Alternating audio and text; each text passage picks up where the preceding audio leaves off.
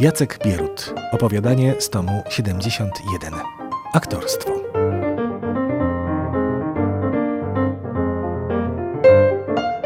Jeszcze za głębokiej komuny kilku aktorów zasłużonych dla ludowej ojczyzny dostało przydział na enerdowskie przyczepy kempingowe. Wyróżnienie takie.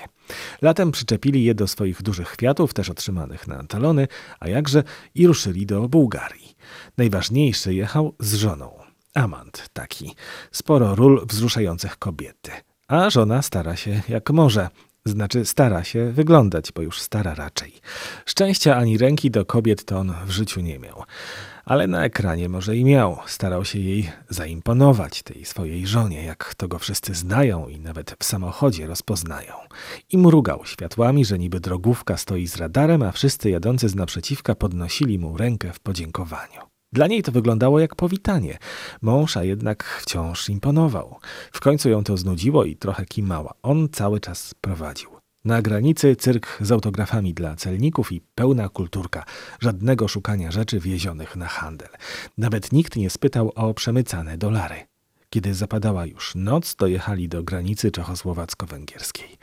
Tu już nikt ich nie rozpoznał. Nawet im bagaże przetrzepali.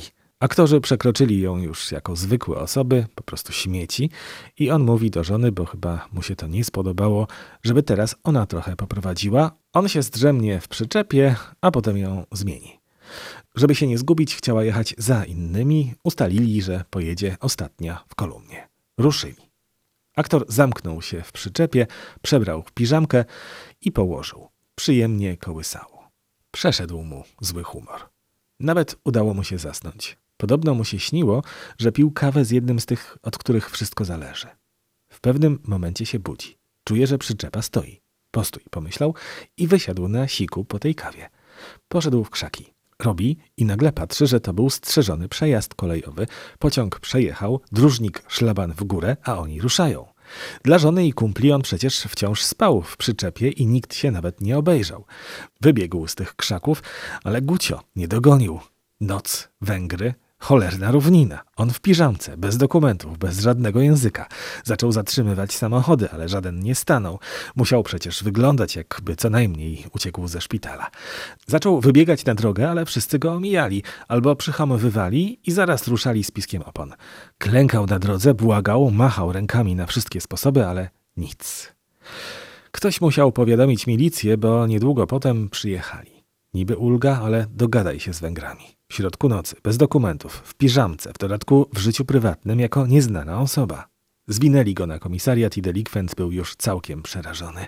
W końcu na migi, trochę po rusku, trochę po niemiecku, auto brum brum, paszport brum brum, meine kolegen ujechali, wytłumaczył im w czym rzecz i milicjanci o dziwo skumali. Wzięli go do radiowozu i zaczęli ścigać konwój gwiazd polskich filmów właściwie zaangażowanych. Znaczy zaangażowanych po właściwej stronie. Tamci, chociaż już się zorientowali, jak gdyby nigdy nic czekali na granicy. Aktor szczęśliwy rzucił się z uściskami najpierw na kolegów, potem na węgierskich milicjantów, ale oni wyciągnęli ręce, że trzeba płacić za podwiezienie. Pokazywali palcami, gdzie im ma wyrosnąć kaktus. I ciągle im było mało. Prawie cały przemycany zapas dolarów poszedł do ich kieszeni, ale konwój mógł ruszyć dalej. W Rumunii zatrzymali się w jakimś miasteczku pohandlować i trochę się odkuć. Każdy wyjął z bagażnika, co tam miał zbędnego. Jeansy, koszule non-iron, krem Nivea i madła, te rzeczy. Ludzie podeszli milczący, oglądali spokojnie, targowali, aż ktoś krzyknął securitate i tyle ich widzieli. Oczywiście było po towarze, bo nikt w panice przecież nie zawracał sobie głowy odkładaniem fantów i oczywiście był to od dawna stosowany zabieg miejscowych. Dojechali w końcu nad Morze Czarne, sprzedali co im zostało i błogie szczęście. Złote piaski, słońce, te sprawy.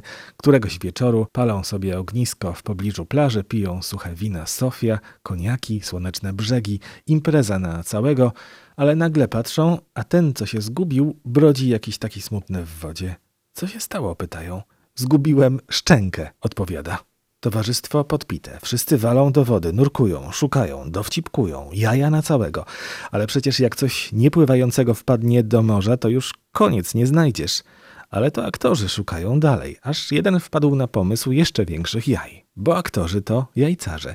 Wyjmuje własną sztuczną szczękę, wyciąga w górę i krzyczy: Mam, znalazłem. Tamten z ulgą wpycha ją sobie do gęby i już zupełnie zrezygnowany mówi: To nie moja. I jeb ją do wody. Tak jakby tam setki sztucznych szczęk walało się pod nie, a złośliwy kolega znalazł niewłaściwą. Oczywiście nie udało się już wyłowić ani jednej, ani drugiej. Skończyło się tak, że obaj gwiazdorzy wrócili do kraju bez zębów. Żaden się nie uśmiechnął na polskiej granicy, niechętnie nawet rozdali autografy. Przez lata w ogóle się już do siebie nie odzywali i nie zagrali już nigdy razem żadnej zaangażowanej sceny. Oczywiście poza tymi, które im kazano zagrać wspólnie.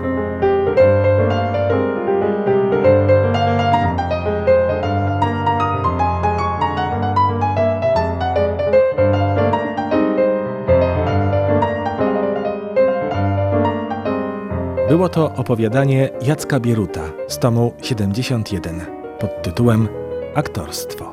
Wydawnictwo J 2020.